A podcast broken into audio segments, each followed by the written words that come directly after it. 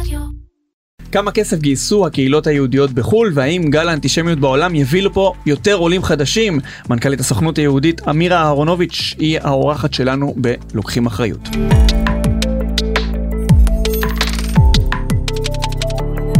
בעקבות מלחמת חרבות ברזל המודעות לאחריות תאגידית ואימפקט במגזר הציבורי והפרטי עלו לראש סדר היום תאגידים גדולים, עסקים ואנשים טובים שלקחו אחריות ונכנסו לוואקום שהשאירה המדינה. בפודקאסט שלנו לוקחים אחריות בערוץ טראסט של כלכליסט בשיתוף שופרסל, נקיים סדרת מפגשים עם מנכ"לים ומנהלים בכירים במשק על אספקטים שונים של אחריות תאגידית ו-ESG בזמן משבר. איתי נמצאת אורית ברוורמן, היא יועצת ESG לחברות ומצטרפת אלינו אמירה אהרונוביץ', מנכ"לית הסוכנות היהודית. שלום. שלום, שלום. תפקיד אה, רם מעלה בימים אלו הסוכנות היהודית אה, כשהמלחמה הזאת מתרגשת עלינו בגלל שאנחנו יהודים. זה תפקיד אה, מורכב ומעניין, תמיד. אני אגיד שמתוך החמש שנים שאני מנכ"לית, אפשר להגיד שארבע היו ב, בסימן של משברים עולמיים, מפנדמיה עולמית, ממשבר פליטות מרוסיה-אוקראינה, mm.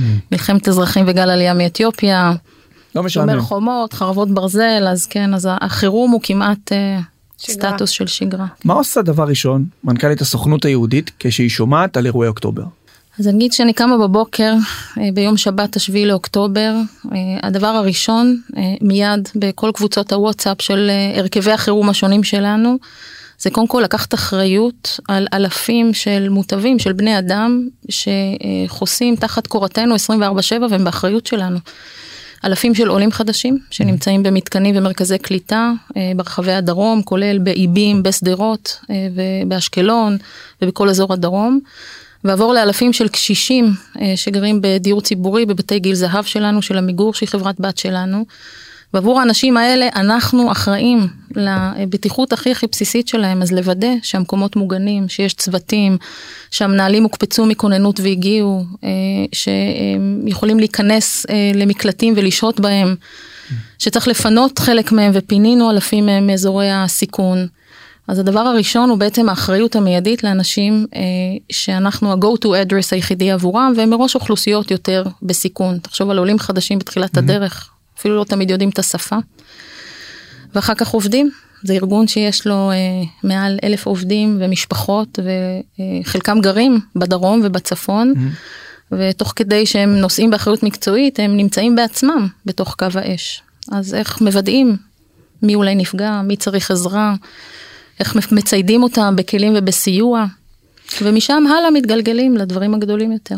מה האחריות של הסוכנות היהודית בעצם? מה תחום האחריות שלה? את אומרת יש לנו חברת בת שהיא עמיגור, אנחנו מכירים את עמיגור כחברה של המדינה, אז בואי נשים רגע נמקם את הסוכנות היהודית. של המדינה, ו... הסוכנות, כן, אז, אז אני אגיד את, מילה. את, את כל מנעד האחריויות של אה, הסוכנות היהודית בישראל. אז אני אגיד הסוכנות היהודית שהיא אה, ארגון אה, בין מעל 90 שנה אה, בעצם היה אה, זרוע הביצוע של התנועה הציונית לממש את החלום הציוני וליישב מחדש את היישוב היהודי ולהקים את המדינה. דוד בן גוריון שהיה יושב ראש הארגון אה, כשקמה המדינה והפך להיות אחר כך ראש הממשלה הראשון. ובעצם זה היה הזרוע הביצועית של העם היהודי להקים את הפרויקט המשותף הציוני שנקרא מדינת ישראל. ובעשורים הראשונים עסק בעיקר בלעזור להקים את התשתיות במדינה, לבסס את היכולת של המדינה אה, להתקיים. אבל הדבר המרכזי שהיה אז ונמשך גם היום, זה שאנחנו ארגון של תשתית של העם היהודי, כדי להבטיח את החוסן ואת העתיד המשגשג של מדינת ישראל וחיים יהודיים בעולם. זה אומר שאנחנו נדרשים לאתגרים גדולים, אתגרים שהם ב-large scale, שהם לטווח ארוך, שמצריכים התגייסות של כל העם היהודי. אנחנו לא ארגון של הממשלה, אנחנו ארגון עצמאי, המשילות והבעלים שלנו זה הקהילות היהודיות ברחבי העולם. אה, וככזה יש לנו כן מעמד ייחודי אל מול הממשלה, גם בחוק, גם באמנה. ובגדול אנחנו עוסקים, עוסקים בשלושה דברים מרכזיים, בשגרה ובחירום, משם יוצאים אל עבר הסיוע. האחד זה להבטיח אה, שתימשך עלייה. מדינת ישראל תמיד נבנתה על גלי עלייה, שלושה וחצי מיליון עולים הבאנו מאז שהוקמה המדינה. אז להבטיח שכל יהודי שרוצה להפוך את ישראל להיות הבית שלו יוכל לעשות זאת. אבל לא יותר חשוב, כל מי שצריך חלילה לחלץ אותו ממצב של סכנה ולהביא אותו לחוף מבטחים במדינת ישראל, אנחנו עושים את זה. אז עלייה והקליטה הראשונית היא עולם אחד ענק, ואני חייבת להגיד עלייה ממשיכה, המשיכה גם בקורונה, המשיכה גם במלחמה. זה תפקיד שהוא לא, אין לו, אין לו תפוגת תוקף לדבר הזה. הדבר השני זה להבטיח את החיבוריות, את הקשר בין יהודי התפוצות למדינת ישראל וזה לזה, להבטיח שישראל היא אלמנט רלוונטי בזהות היהודית שלהם ובחיבור. הקשר הזה בין קהילות יהודיות ברחבי העולם לישראל הוא קשר אסטרטגי וקריטי, תמיד, ואנחנו רואים את זה עוד יותר בעיתות חירום, והוא דבר שצריך לעבוד עליו. פעם ו... קראו לזה גשר חי. נכון, אז bridge. גם, נכון, אז זה גשר חי וזה לייצר את מערכות היחסים ואת הקשר שמהם אה, נוצרת ערבות הדדית ומהם נוצרת אחריות משותפת. ומתוקף הקשר הזה אנחנו גם רואים שכשכאן קשה ואנחנו מוחלשים ונפגעים, אז קשה גם ליהודים בתפוצות. אנחנו סוג של תלויים זה בזה, אה, במובן של לתת חוסן וחוזק אחד לשני, אבל גם להגן אחד על השני כשצריך. אנחנו עושים את זה בהמון צורות. אנחנו מביאים את ישראל לתוך הקהילות על ידי אלפי שליחים מישראל שיוצאים במסגרות שונות. אנחנו עושים את זה על ידי זה שאנחנו מביאים את צעירי התפוצות לישראל במגוון של מסגרות ותוכניות. ואוסף של פלטפורמות לשותפות, כל דבר שמייצר חיבור ומערכות יחסים עמוקות וערבות הדדית. והדבר השלישי? והדבר השלישי זה אה, בעצם עבודה אה, בעומק החברה הישראלית, אה, להבטיח אה, את החוסן של החלקים היותר חלשים בחברה, גם בשגרה ובוודאי גם בחירום. הקהילות היהודיות תמיד אה, היו עסוקות בלהבטיח שתתפתח כאן חברה שהיא חברה צודקת יותר, חברה שמספקת את הכלים לחלש יותר. ואנחנו עושים את הדבר הזה גם סביב עולמות של נוער בסיכון וגם סביב עולמות של אה, דיור ציבורי לקשישים דרך עמיגור mm-hmm. ודברים נוספים שאנחנו עושים. אז בעצם אה, הסוכנות היא זרוע של אמרנו ההסתדרות הציונית העולמית ושל כל הקהילות היהודיות ברחבי העולם והם בעצם מבטיחים את כל, כל הפילרים שדיברת עליהם פה בארץ אבל היה לנו דיון פשוט ארוך קודם לכן לגבי תפקידה של המדינה אל מול המגזר החברתי. את חושבת, זאת אומרת אתם בטח עובדים ביחד עם המדינה יש את משרד הקליטה וכדומה אבל איפה את רואה את החיבור הזה עם המדינה? זאת אומרת, האם המדינה הייתה צריכה להוביל את כל הדבר הזה? אה, למה קהילות יהודיות בעולם צריכות לתמוך בפעילות כזו בישראל, וברור למה בעולם, אבל למה לא מדינת ישראל אה, מובילה את זה? מה את חושבת על המתח הזה בין ההובלה של המדינה לבין ההובלה של ה... אז קודם כל אני חושבת שגם וגם, אני חושבת שיש דברים שבוודאי שהמדינה צריכה לעשות ולהערכתי היא צריכה לעשות יותר. אני חושבת שהמדינה הייתה צריכה מזמן להגדיר את החשיבות של אה, שמירת החיים היהודים המשגשגים בקהילות והקשר בין קהילות לישראל כמהלך אסטרטגי של חוסן לאומי. אה, וגם להקצות לזה את המשאבים. אני חייבת להגיד, המדינה עושה יותר מבעבר, אבל לא מספיק. אבל אני רוצה להגיד לצד זה שיש דברים שמדינה לא יכולה לעשות. Mm-hmm. מדינה לא יכולה, ממשלה לא יכולה לקחת ולעודד עלייה אה, של אזרחים של מדינה אחרת מתוך המדינה. מדינת ישראל לא יכולה ללכת ולחלץ אזרחים של מדינה אחרת ולהביא אותם לחוף מבטחים. יש דברים שמצריכים אה, זרוע שהיא NGOית, זרוע שהיא אה, א-פוליטית, שהיא לא למטרות רווח. יש דברים גם שקשורים בלשהות לאורך זמן בתוך הקהילות עצמם, כדי להכיר את המנהיגות ואת האתגרים ואת הצורך. וזה משהו שמדינה מכאן לא יכולה לנהל. אז מדינה יכולה להתוות כיוונים עקרוניים, היא יכולה להגדיר מטרות שאותם היא רוצה להשיג. ודיפלומטיה וזה, אבל עד גבול מסוים. נכון, אז יש דברים, אז אני חושבת שהשביל הזהב הוא בעבודה מסונכרנת וממונפת. במקומות מסוימים אנחנו אחראים מטעם המדינה עבור הזכאות לעולים, יושבים בכל מדינות העולם, מראיינים את העולים ובוחנים את היותם עומדים בקריטריונים לעלייה. אה, אנחנו גורם שהוא א-פוליטי, אנחנו גורם שלא מתחלף כל כמה שנים, אנחנו גורם שיש לו רציפות ויכול לראות דברים בפרספקטיבה של זמן. אה, זה לא משהו שיכולה לעשות ממשלה שיש לה אורך חיים קצר מסוים, יש לה צבע פוליטי מסוים. ו... במובן הזה העם היהודי זקוק לאיזה זרוע קולקטיבית כזאת שתוכל לעשות את זה. ברור לגמרי. דיברנו על עלייה קודם, כמה שזה חשוב היום, כי אנחנו גם רואים גם את הצד השני, אנחנו רואים גם בריחה מפה, ובמיוחד עליית החזרת המוחות, אה, דברים שנדונו הרבה פה. אה, בהקשר לעלייה, את, את דיברת איתנו בשיחה המקדימה על זה שראית ביקוש גובר לעלות לישראל? איך אתם, איך אתם מרגישים את זה? איך, מה, איך, מה את צופה שיקרה בזמן הקרוב? זאת אומרת, כן אנחנו הולכים להיות עדים לעלייה בגלל האנטישמיות אה, גוברת? אני אגיד קודם כל שיש אה, התגייסות אה, מרגשת וחסרת תקדים בעוצמה שלה מכל רחבי העולם. של יהודים שאולי זמן רב ראינו אותם יושבים על הגדר, לא מעורבים, לא מתעניינים, שמאוד מתעניינים.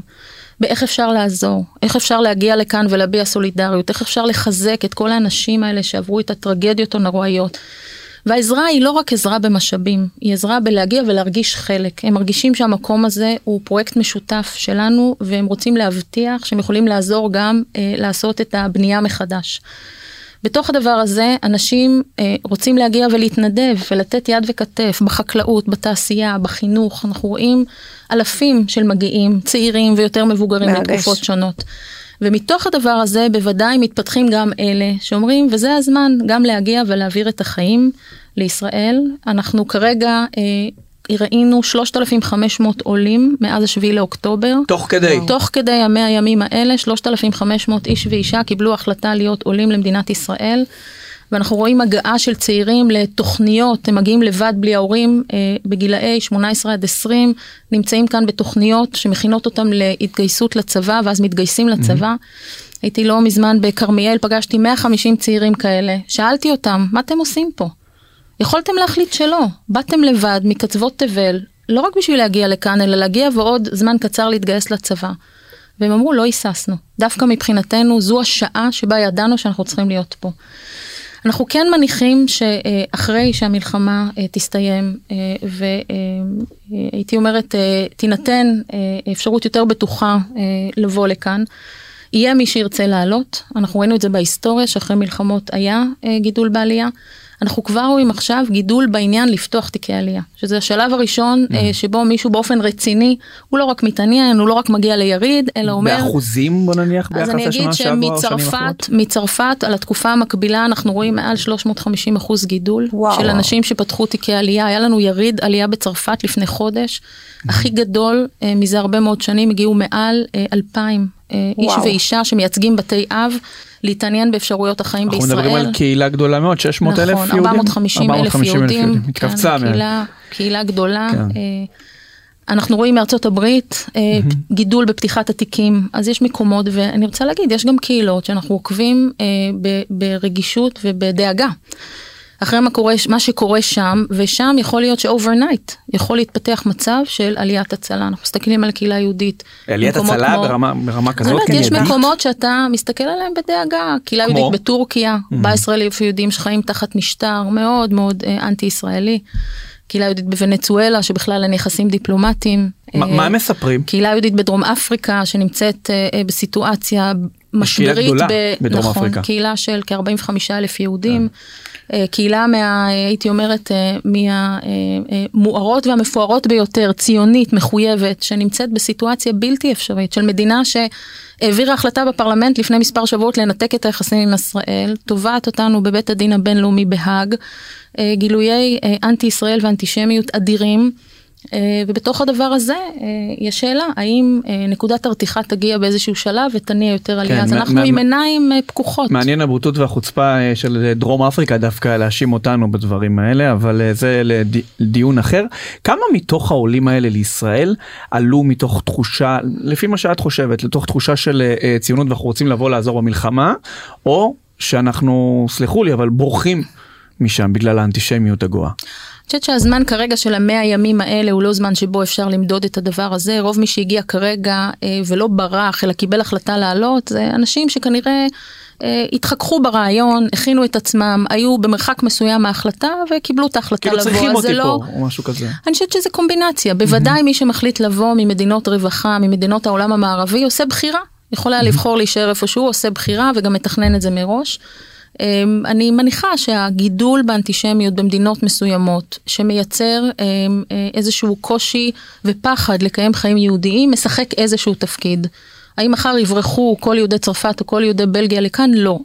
האם סדרת אירועי אה, אה, טרור חס, וחלילה, או מאפיינים שיגרמו לפחד של אנשים לקום בבוקר ולחיות חיים יהודיים, יוכלו להשפיע גם דרך אנשים שיחליטו לעלות? בהחלט. אני אחזיר אותנו רגע למלחמה, כי הסוכנות מנהלת את קרן נפגעי הטרור, וכמו שדיברנו על זה, וגם היו מספרים, יש עבודה מאוד שקופה של הפדרציה אה, של צפון אמריקה, שהציגה את המספרים של כמה, כמה היא גייסה ולמי היא חילקה, אז אה, היה מסמך שככה רץ וכולנו היינו חשופים אליו. אה, אז באמת יש פה הרבה מאוד כסף, ואנחנו נשמח שתשתפי אותנו גם איך... עם הרבה מאוד צרכים, איך אתם בעצם מחליטים או עוזרים בהחלטה של איך לפזר את הכסף בין כל כך הרבה צרכים, כל כך הרבה, אה, גם גופים, גם אנשים, גם אה, מהלכים שצריך לחזק פה אחרי אירוע כזה קשה. אז אני אגיד, אני מפרידה בין אה, אה, תנועת הפדרציות היהודיות של צפון אמריקה, שבאמת התגייסות חסרת תקדים, מעל 750 מיליון דולר, אה, אה, שמהיום הראשון בעצם אה, ניתנים כאן נטויה. ומחולקים, כן. לבין אנחנו, הסוכנות היהודית, שאנחנו גוף שנמצא בתווך בין הקהילות היהודיות בעולם וישראל, אנחנו גם גוף שמגייס, אבל אנחנו גם גוף שמבצע. ולכן אנחנו אה, אה, לא פועלים באופן שמקצה הקצאות אה, של גרנטים לעמותות או לגופים אחרים, אנחנו גוף שפועל תכנית בעולמות שבהם יש לו התמחות. ונתת דוגמה מצוינת, הקרן לנפגעי טרור. זה אה, אה, מכשיר שלנו, אופרציה שלנו, שהיא סופר קריטית במצבי חירום. היא לא נולדה לטובת אה, מלחמת חרבות ברזל, היא קיימת כבר 20 שנה. היא נולדה אחרי האינתיפאדה השנייה. ותפקידה היה לתת אה, מזור ומענה מיידי לכל אדם שנפגע ממתקפת טרור אה, ומשפחתו או ביתו, באיזה שהם קריטריונים ציבוריים ברורים ושקופים, עם ועדה מלווה. והמענק הוא לא רק מענק מיידי תוך 48 שעות מקרות המקרה, שזה אולי המזור הראשוני והייתי אומרת אה, נתינת החיבוק והחום הראשוני להגיד לאותו אדם שהוא לא לבד, אלא יותר חשוב אנחנו מלווים כל משפחה כזאת במשך שלוש שנים עם סל שיקומי שמאפשר אה, טיפולים וסיוע בהרבה מאוד היבטים למי שנפגע, למשפחה, לילדים. ואני אגיד שמ-7 לאוקטובר אנחנו בעצם סייענו כבר למעל 8,000 משפחות בבתי אב שהוגדרו כנפגעות טרור. כולל הניצולים של פסטיבל נובה, כולל משפחות החטופים, כולל כל אלה שעברו את הטבח בקהילות צמודות הגדר וכולל אה, אה, אזרחים אחרים. והדבר הזה יצר אה, אה, scale ענק של צורך אה, שלא דומה. אנחנו, רק כדי לתת reference, בכל ה-20 שנה שהקרן קיימת, היא סייעה ל-9,000 משפחות במעגל הזה, במועדון אה, הלא נחמד הזה של נפגעי הטרור. עד השישי לאוקטובר. ביום אחד עשיתם מה שעשיתם בעשרים שנה. מהשביעי לאוקטובר ועד היום אנחנו עם מעל 8,000 משפחות שאנחנו כבר בקשר אישי עם כל אחת ואחת מהם, לבנות להם גם את ההתערבות וסלי השיקום קדימה. איך את עוזרת להם? איך אתם עוזרים להם? לצערנו זה יגדל, המספר אנחנו מעריכים יגיע לעשרת אלפים. איך אתם עוזרים להם? מה זה אומר סל שיקום? אז אני אגיד שה... אה, בטווח מיידי מקרות המקרה אנחנו מגיעים mm-hmm. לבתי החולים ועובדים כאן בסינכרון חשוב להגיד עם uh, מחלקות הרווחה והשיקום ברשויות, עם מחלקות השיקום בבתי החולים, עם מרכזי החוסן, עם הביטוח לאומי, אנחנו מסונכרנים עם כולם. מקבלים מענק מיידי של 4,000 שקל, ההוצאות הכי הכי מיידיות, אדם שנשאר בלי חולצה, בלי מכנסיים, צריך משהו. Mm-hmm. ואולי יותר מכך, להגיד שהצ'ק מגיע בעצם מיהודי בעולם שהיה אכפת לו ממונטיבידאו, או מלונדון או מניו יורק, ואין לך מושג כמה זה מרגש את האנשים ברגע הזה לדעת שהם לא לבד. אבל אז יש פרוטוקול שלם שמגדיר על פני שלוש שנים סל שיקום, שמאפשר לאותו אדם לקבל טיפולים משלימים בתרפיות מסוגים שונים שהוא זקוק להם, שהוא לא מקבל מהמדינה או ממרכזי החוסן. אז אנחנו באים למלא את החלל בין החוליות של מה שהמדינה והרשויות נותנות. סוג של ביטוח בריאות אפילו ברמה הזאת. ביטוח בריאות משום שהוא הוא הרבה יותר, הוא הרבה יותר אה, אה, הייתי אומרת גמיש באפשרויות mm. שלו ומאפשר אה, דרך מלגות חוסן, תרפיות שלא ניתנות בדרכים רגילות. עובד עם הילדים למשל, ילדים לאותן משפחות שנפגעו ומחזיקים בטראומה בקייטנות ופעילות של חינוך בלתי פורמלי, הוא באמת, האפשרויות בהרבה יותר רחבות וגמישות. אבל הן פועלות תחת פרוטוקול ומדיניות ברורה שאנחנו יודעים אה, להצדיק אותה, שהיא שקופה, שאנחנו עומדים מאחוריה. אני אגיד חרבות ברזל יצרה סיטואציה א' של היקף בלתי נתפס של כמות האנשים אבל גם של צרכים שלא פגשנו מעולם mm. כמות היתומים הטראומה של הניצולים מהפסטיבל הסיטואציה של משפחות חטופות והשלכה של זה על בני הבית גם אם אנשים חזרו וגם אם אנשים עוד בשבי אז הקרן בעצם עשתה אה, התרחבות אה, אה, דרמטית מהיום למחר הופכת להיות כלי מאוד מאוד מרכזי mm-hmm. בכל מה שנעשה בשנים הקרובות. אתם גם עוזרים uh, לעסקים קטנים יש לכם גם קרן עסקים קטנים בנוסף נכון, זה נכנס לתוך ה-750 פלוס uh, מיליון דולר. כן אני אומרת שוב אנחנו מגייסים לא רק JFNA שגייס את הכסף הזה mm. בצפון אמריקה הוא אחד מהגורמים שנותנים לנו צריך להגיד שאנחנו את הפעולה שלנו עושים במימון שמגיע גם ממגביות של קרן היסוד ברחבי mm. העולם גם מקרנות פרטיות ותורמים פרטיים גם מתורמים מישראל אז הסוכנות בעצם מגייסת מהרבה מאוד גורמים לטובת הפעולה הזאת. אתה צודק לגבי העניין של העסקים הקטנים, כשאתה חושב על מעגל הנפגעים, נפגעי הטרור, הנפגעים מהמלחמה, אז זה דבר אחד שעברת את הטרגדיה או רצח או, או משפחה שאיבדה את היקרים לה מכל וצריכה להתמודד עם האבל, אבל יש גם העניין של אה, להיות מסוגלים לעמוד חזרה על הרגליים כלכלית ושתהיה איזושהי הכנסה ויציבות בחיים. אנחנו יודעים שהרבה מאוד מהתושבים, גם בנגב המערבי בדרום וגם בקו העימות בצפון וגם מקרב משרתי המילואים מתפרנסים מעסקים קטנים וזעירים, זה חלק מהאפיון של הכלכלה באזורים האלה.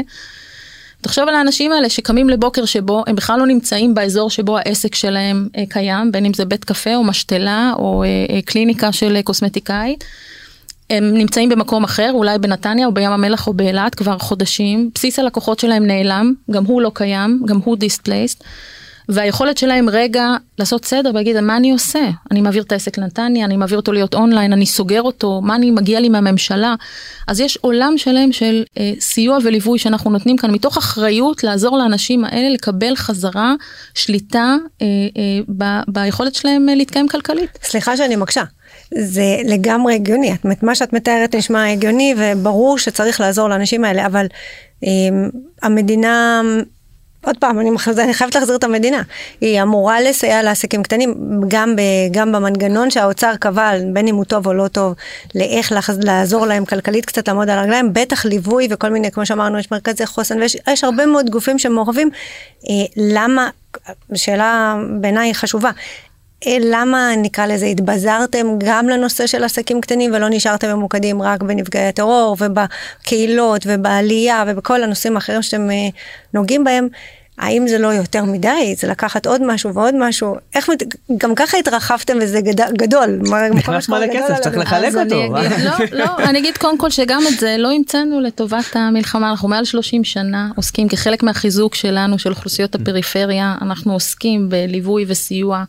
לעסקים הקטנים מנקודת המבט של בני האדם, שזה הדרך שלהם לייצר mm-hmm. חוסן ויציבות בחיים. אה, ואנחנו בזמן חירום מרחיבים את זה ומדייקים את זה, אבל זה לא נולד בשביל זה. ואני רוצה mm-hmm. להגיד למה שאת אמרת, בוודאי שהאחריות היא של הממשלה. אנחנו רק שואלים איפה היא. והממשלה eventually תהיה הגורם שבאופן אמיתי יעזור לאנשים האלה לחזור חזרה לפסים של אה, אה, ניהול של עסק משגשג או מעבר לאיזשהו מקור הכנסה אחר. מלא. אבל אנחנו נכנסים להיות סוג של גלגל הצלה בתווך. אה, עד שהממשלה תיכנס, לצערנו לוקח זמן, עד שיש תוכניות שמפורסמות ועד שנכנס השקל הראשון לחשבון הבנק של האנשים האלה. אני יכולה להגיד לך שאנחנו המון בשטח, סיפקנו גלגל הצלה אה, של איזשהו מענק, קראנו לזה מענק עוטף לעסק, מענק מינימלי מיידי של אחוז ממחזור.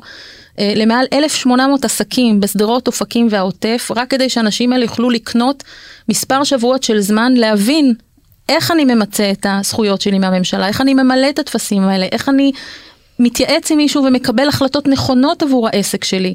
אז תפקידה של הפילנטרופיה הוא בדיוק להיות באותם מקומות שהיא ממלאה חלל זמני עד שנכנס הגורם הממסדי הממשלה, שבוודאי שהאחריות המרכזית היא עליו, ואת זה אנחנו עושים, כולל גם בהלוואות שאנחנו נותנים לעסקים קטנים, אנחנו נכנסים להיות הגורם שהופך להיות איזשהו אה, אה, ממתן סיכונים במקומות שהמערכת הפיננסית הרגילה פשוט לא נותנת, כי רואה סיכון ואנחנו רואים סיכוי, אז אותו עיקרון, אפרופו אחריות תאגידית. זהו. אני רואה בזה אחריות לאומית, אחריות תאגידית מטעם העם היהודי. מתוך ערך של ערבות הדדית, של להיות שם עבור אותם אלה שזקוקים לנו באותה נקודת זמן, עד שהם מסוגלים לעלות על מסלול החיים הרגיל, שבוודאי שצריך להינתן ולהיות מסופק להם על ידי המדינה ועל ידי מערכות הממסד. אז אפרופו ססטנביליטי, כי, כי בסופו של דבר אנחנו יודעים שהפילנטרופיה... היא מורכבת, היו תקופות שאפילו, בתקופות של מיתון, אנחנו יודעים שגופי חברה לא מצליחים להשיג את, ה, את הכספים שהם התבססו עליהם, והם התחילו לחפש פעילות קצת יותר, לפתח זרוע עסקית בתוך הפעילות החברתית שלהם.